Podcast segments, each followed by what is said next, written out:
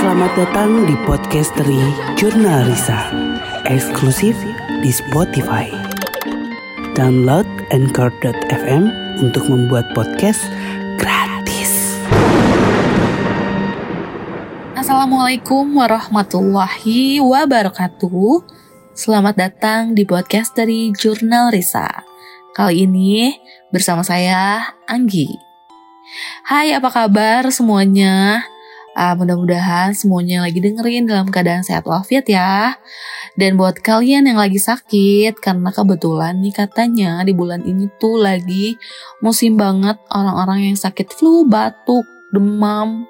Itu kayaknya katanya tuh lagi banyak banget di bulan Agustus ini. Jadi ini siapa tahu di sini yang lagi dengerin lagi kurang sehat, semoga uh, kalian cepat sehat, cepat fit lagi dan buat yang sehat, semoga kalian semuanya pokoknya sehat selalu. Oke, okay, uh, kali ini di podcast dari episode kali ini saya akan bercerita tentang kejadian mistis, kejadian yang menyeramkan yang terjadi kurang lebih sekitar dua bulan yang lalu. Hmm, kejadiannya sih di rumah. Siapa di antara kalian yang walaupun di rumah sendiri sering merasa ketakutan? Bahkan sering ditampaki oleh penampakan-penampakan yang sama sekali tidak kita inginkan. Dan saya udah pernah mengalaminya, itu tempatnya dua bulan yang lalu. Teror di rumah sendiri itu bener-bener menurut saya paling, paling serem banget. Iya, jujur ini hal yang jarang banget kejadian dan mudah-mudahan jangan sampai kejadian lagi mengalami teror-teror dari makhluk gaib di rumah sendiri. Ya karena menurut saya rumah itu adalah tempat uh, beristirahat yang paling nyaman, yang paling kita sukai, yang menurut kita paling aman ya kan, tempat kita untuk bisa ngelakuin apa aja di rumah. Mau santai, mau tidur, mau mengerjakan apa pun di rumah itu biasanya adalah tempat yang paling aman. Tapi saat teror itu terjadi di rumah itu tuh bener-bener kayak ah, serem banget pokoknya. Jadi ini tuh salah satu pengalaman yang sangat menyiksa buat saya meskipun waktu itu cuma satu malam tapi rasanya luar biasa.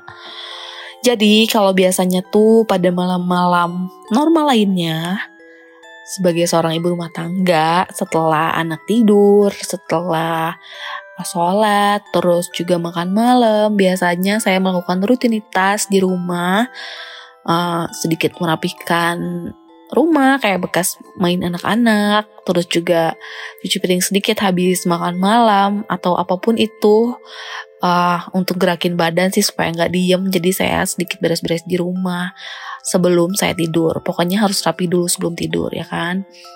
Nah tapi pada malam itu ada sesuatu yang berbeda. Jadi setelah uh, sholat isya terus menuju tidur itu Rania tuh kayaknya agak sedikit aneh. Dia sedikit rewel, tidak seperti biasanya. Dia tuh orangnya tuh nyaman banget kalau di rumah, anak-anak alhamdulillah. Yang paling betah banget di rumah. Tapi malam itu dia tuh tiba-tiba pengen ngajak aku pergi. Ma, ayo, ayah mana? Terus nyariin ayah dan dia ngajakin terus keluar rumah ayo pergi yuk bilang gitu. Terus padahal itu adalah waktunya udah mau tidur dan biasanya dia tuh udah ngantuk tapi dia kekeh pengen minta keluar. Setelah dikasih pengertian kalau ini udah malam? Terus ayah juga lagi kerja belum pulang ke rumah. Besok aja kita pergi. Pokoknya sebisa mungkin menenangkan Rania yang saat itu terlihat seperti tidak nyaman seperti tidak mau tidur pengennya keluar dari rumah tapi alhamdulillah saya berhasil untuk menenangkan dia. Akhirnya dia tidur, menyusul abangnya Rafa yang udah tidur duluan. Sudah anak-anak tidur, udah deh saya waktunya untuk beres-beres sedikit rumah sebelum akhirnya saya juga menyusul anak-anak tidur sambil sebenarnya nungguin suami pulang sih intinya. Biasanya saya uh, nunggu sampai ngantuk nonton TV atau uh, scroll HP gitu kan. Nah tapi pada malam itu tuh begitu keluar dari kamar abis tidurin anak-anak, ngelonin anak-anak tuh keluar dari pintu kayak langsung merinding gitu. Langsung merinding si badan aku tiba-tiba seng gitu langsung kerasa dingin terus bulu kuduk langsung berdiri perasaan takut ketika itu langsung datang set hah aduh ada apa ini? Langsung kayak tiba-tiba ketakutan. Tapi saat itu saya harus pergi ke dapur untuk ambil minum. Dan bener aja begitu saya ke dapur saya melihat satu sosok hmm, yang sangat besar. Ya besar banget sih enggak cuman lebih besar dari umumnya ukuran manusia. Itu besar terus berdiri di samping kulkas dan menghadap ke arah kamar mandi tidak melihat ke arah aku melihat ke arah kanan sosoknya berupa seperti bayangan warna hitam takut lagi kan. Terus habis itu uh, saya cepet-cepet ambil minum.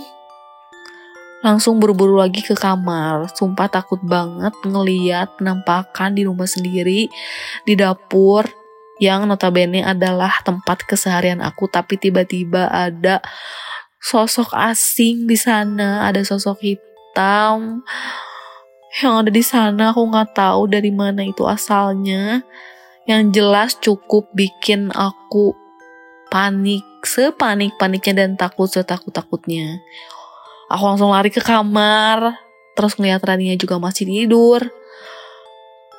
Lemes selemes-lemesnya aku langsung ambil handphone dan chat ke suami yang saat itu emang lagi kerja. Dan aku nggak berani telepon takutnya malah jadi ganggu aku cukup untuk chat dia saat itu. Aku cerita dari awal Aku bilang kalau Rani yang ini kenapa ya aneh banget tadi sebelum tidur dia tuh rewel banget. Dia pengen keluar dari rumah, pengen pergi, nggak mau di rumah, terus nanyain ayah terus. Kayak ngerasa nggak aman, kayak ngerasa gelisah, nggak bisa tidur sebelumnya tuh tadi. Padahal kan biasanya tuh ya Rania itu kalau uh, di tempat asing atau di tempat yang memang ada penghuninya atau ada sesuatunya baru dia akan ngerasa kayak gitu akan ngerasa gelisah akan uh, memaksa saya untuk cepat-cepat pergi dari tempat itu pokoknya maksa saya untuk pulang atau membawa dia pergi dari tempat itu. Tapi ini kan di rumah gitu loh. Dan Rania tuh nggak pernah kayak gitu. Selama di rumah selama ini tuh dia tuh anteng banget dan nggak pernah kayak gini. Tapi ini kenapa? Tapi tiba-tiba dia mau tidur tadi tiba-tiba pengen keluar dan pengen Eh, nggak uh, mau ada di rumah sepertinya kayak ngerasa ketakutan itu aku chat di WhatsApp ke suami terus juga aku ceritain juga kalau aku tadi ngeliat sosok juga di dapur itu sosok baru yang aku sebelumnya belum pernah lihat. Dan bener kan berarti Rani yang ketakutan itu memang ada sesuatu di rumah ini. Waktu itu aku cuma bisa chat dan dipenuhi dengan emotikon nangis yang benar-benar takut ketakutan setakut-takutnya sepanik-paniknya dan saat itu aku benar-benar sendirian. Anak-anak udah tidur. Ya Allah itulah kalau misalnya ya di rumah sendiri tapi sama anak-anak dan gak bisa mau kabur mau ke mana gitu kan. Akhirnya ya udah dijalani aja. Waktu itu bener-bener dim di kamar dengan perasaan yang masih penuh dengan ketakutan masih uh, bener-bener tegang, deg-degan banget, bener-bener takut kalau kalau sosok itu tiba-tiba nyamperin ke kamar dan aku nggak tahu lagi pokoknya pikiran aku saat itu udah kacau banget, udah takut banget. Dan anehnya suasana di kamar tuh kayak panas banget. Biasanya kalau malam-malam tuh di tempatku tuh biasanya dingin. Tapi malam itu tuh kok kayaknya kayak hawanya tuh panasnya tuh beda banget. Gak pernah sebelumnya walaupun lagi musim kemarau misalnya nggak pernah kayak ngerasa hawa itu panasnya tuh beda gitu. Bener-bener nggak -bener enak banget. Waktu itu yang saya lakuin cuman bisa berdoa berdoa terus baca-baca sebisanya sambil nunggu ya Allah semoga suami cepat pulang terus jangan sampai sosok itu datang ke kamar gitu. Dari rencana semula biasanya tuh kalau malam sebelum tidur tuh ada sedikit kegiatan rumah yang dilakuin ini sih boro-boro. Aku bener-bener diam di kamar ketakutan tutup pintu terus nyalain TV dan nyalain pegang handphone bener-bener sapi sambil panik dan gak jelas mau nonton apaan masih bingung. Sambil terus-terusan uh, baca-bacaan juga dalam hati terus juga dengerin uh, murotal segala macam pokoknya cara udah lakuin banget. Sampai akhirnya aku kecapean sendiri. Akhirnya aku berhasil untuk tidur guys. Tanpa sengaja.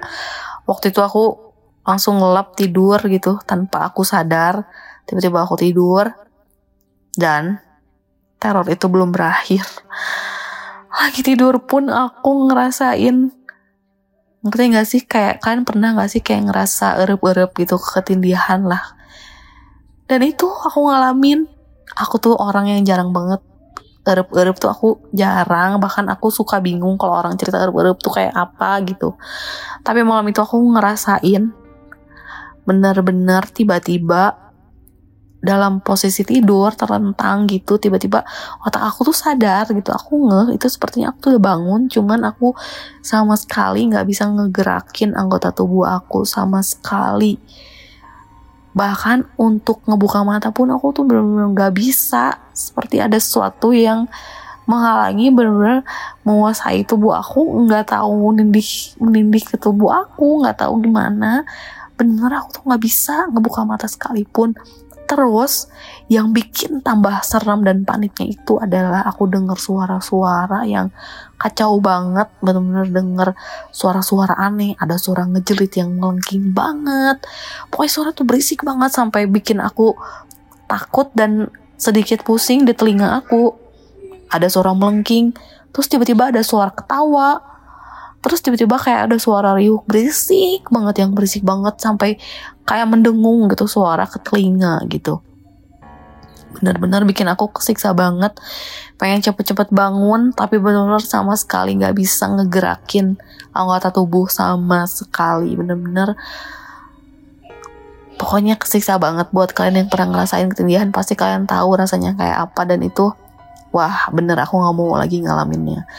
Ya memang kalau secara medisnya si ketindihan itu sih katanya ada gangguan saat kita tidur tuh jadi antara otak dan tubuh itu jadi pas sinkronisasi gitunya tuh kayak error. Jadi pas bangun tuh jadi kayak otaknya udah bangun sedangkan si tubuhnya tuh belum merespon. Secara medisnya seperti itu tapi bener-bener yang aku rasain tuh kayak ada sesuatu hal entah hal gaib atau apa yang ada di sekitar aku dan bahkan seperti ingin menguasai tubuh aku atau mungkin ingin masuk tapi akunya berusaha untuk nggak masuk karena gimana kalau misalnya sampai aku uh, tiba-tiba kerasukan atau memang mediasi atau apa aku benar-benar sendiri nggak eh, nggak ada siapa-siapa orang dewasa lagi di rumah. Benar-benar aku nahan.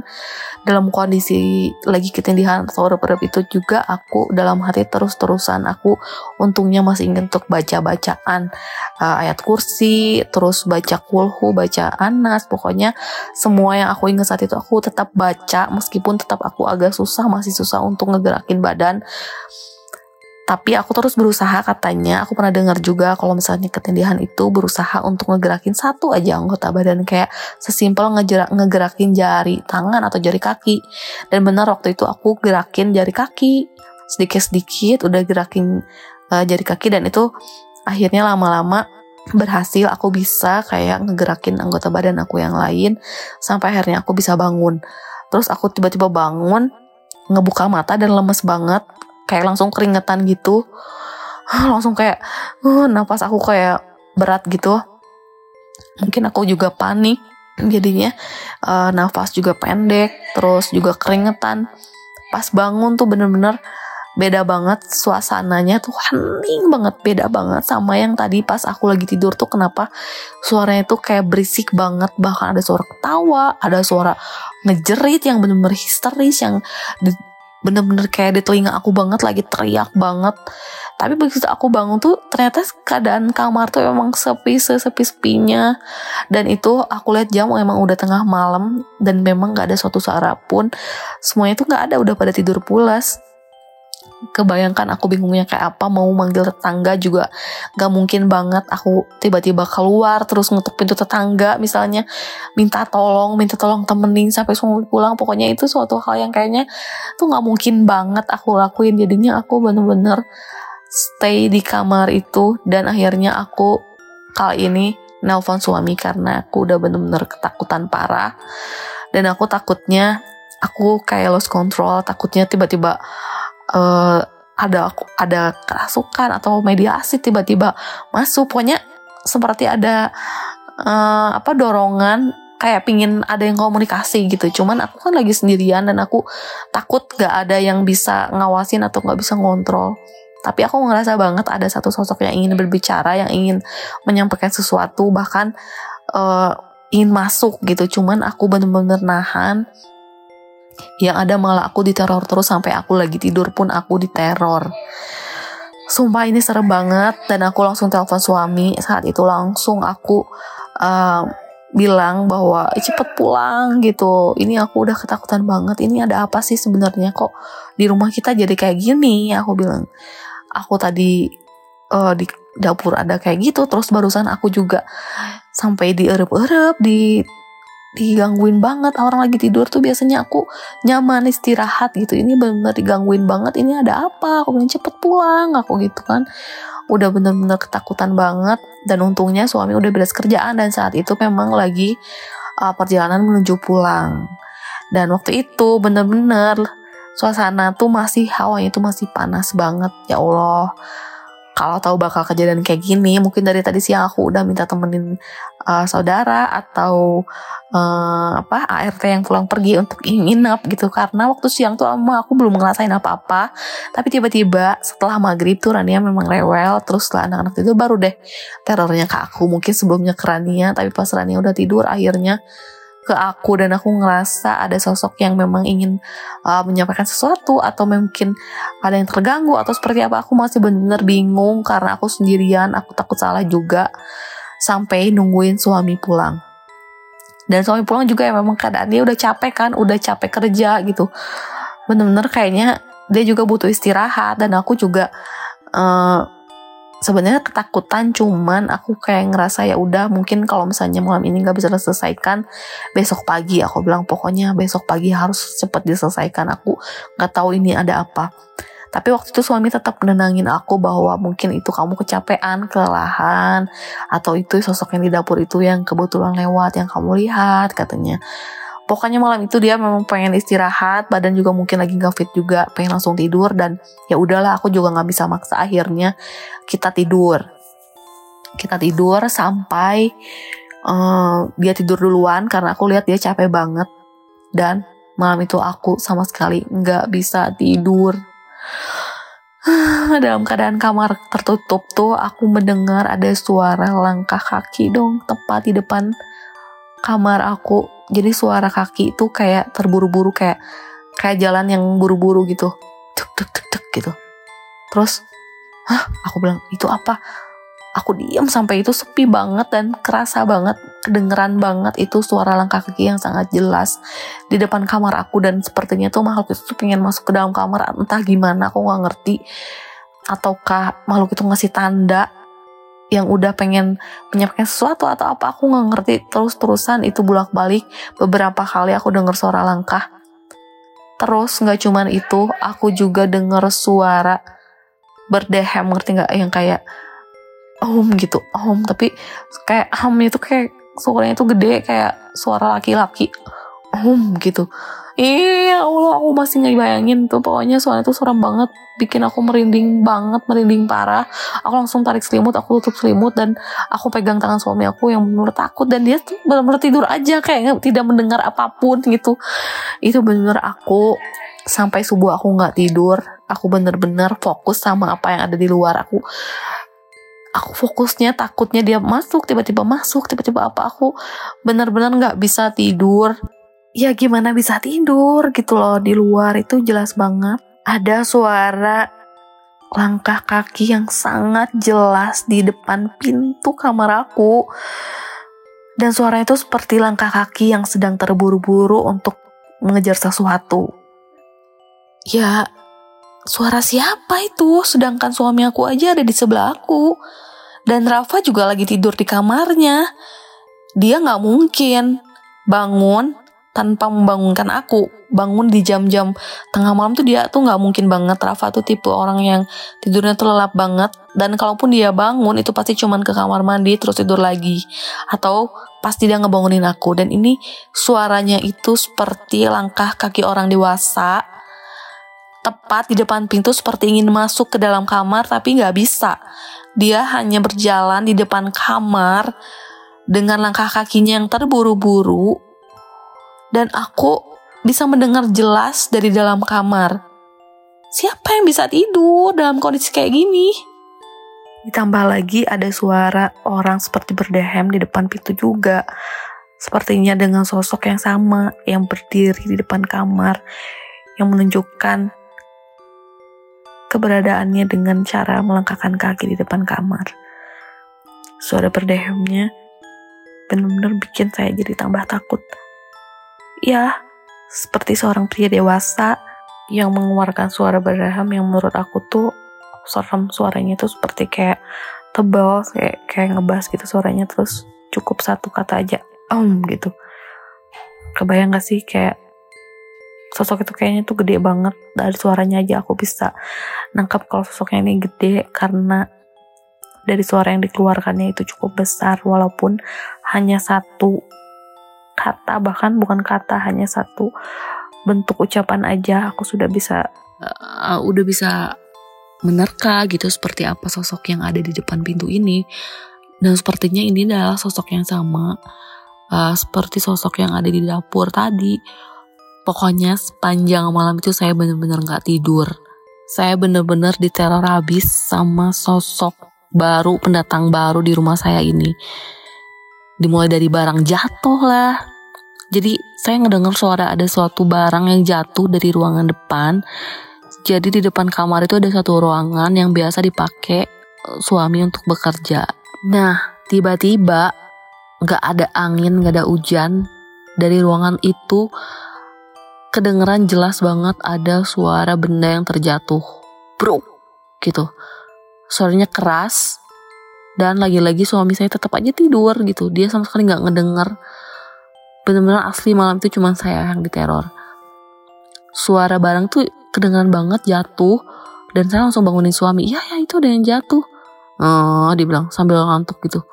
Paling tuh kena angin. Atau mungkin kesenggol cicak dia bilang. Hah?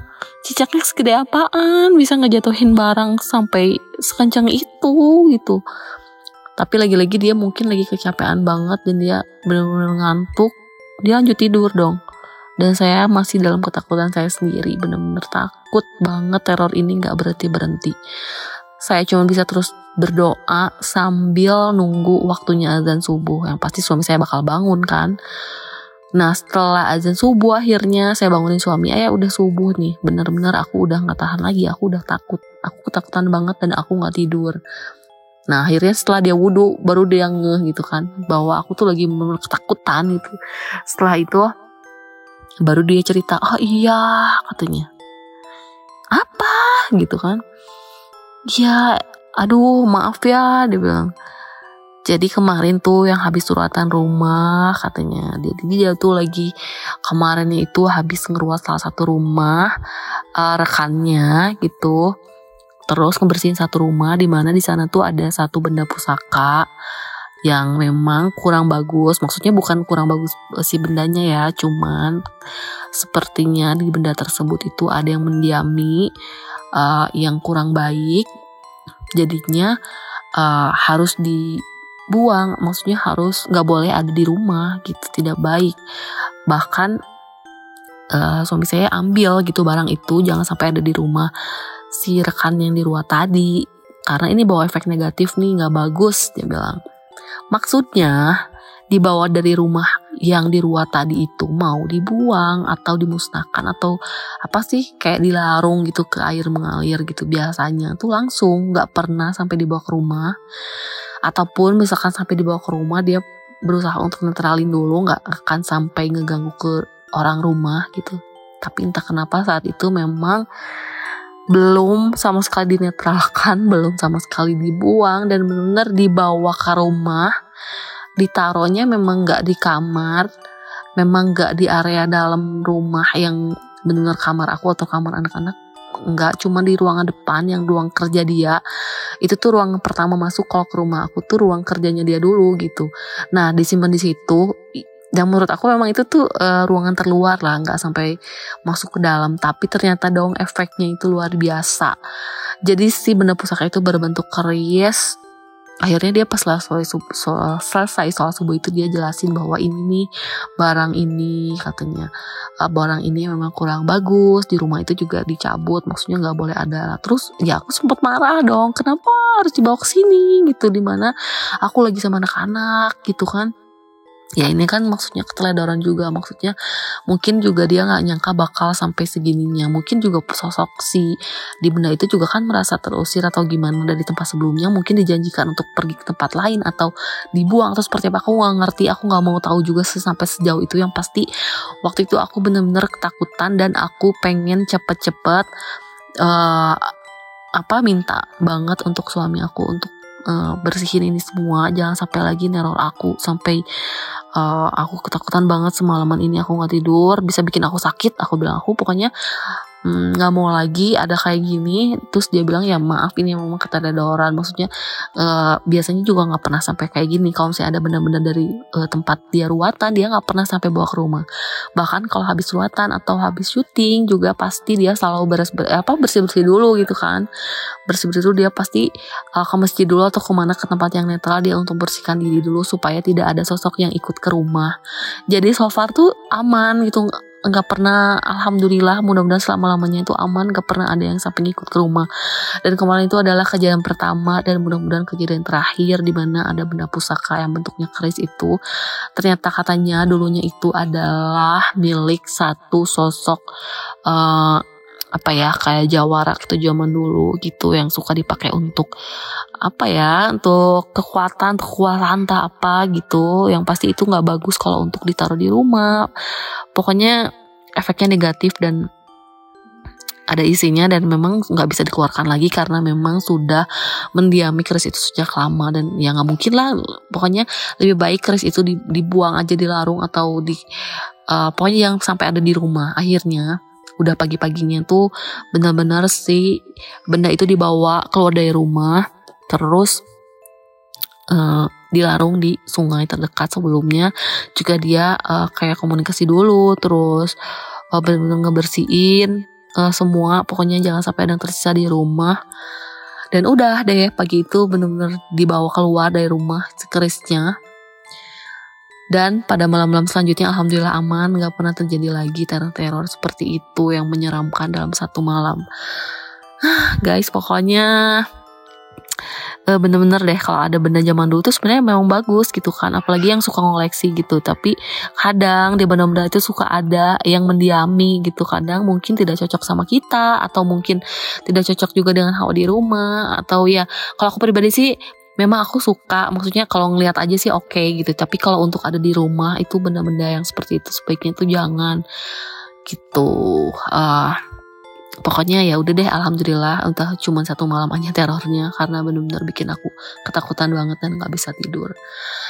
Guys, terima kasih buat kalian yang udah mendengarkan sampai selesai. Semoga uh, cukup menghibur ceritanya, bisa apa ya manfaatnya sih kayaknya. Pokoknya kalau udah benda-benda yang ada isinya kayak gitu lebih baik gak usah ada di rumah. Dan apalagi kalau kita nggak ngerti harus gimana dengan benda itu sebaiknya tuh nggak usah gitu ya. Apalagi kalau sampai kayak bergantung ke suatu benda kayak menganggap uh, seperti menuhankan suatu benda keramat itu apalagi itu udah masuknya sirik itu nggak boleh sama sekali pokoknya kita pokoknya berserah diri cuma sama Tuhan, memohon segala sesuatu sama Tuhan sama Allah Subhanahu wa taala. Oke okay guys, sekian dulu cerita dari saya. Uh, terima kasih yang sudah mendengarkan sampai selesai. Wassalamualaikum warahmatullahi wabarakatuh.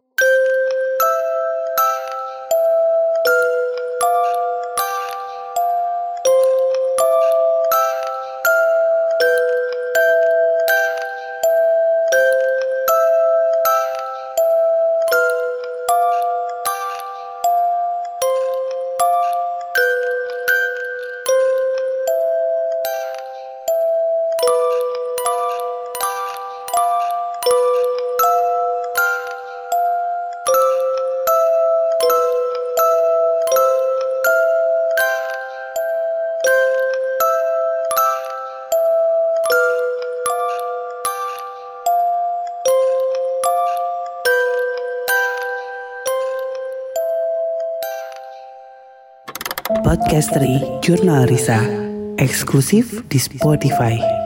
Download Anchor.fm untuk membuat podcast.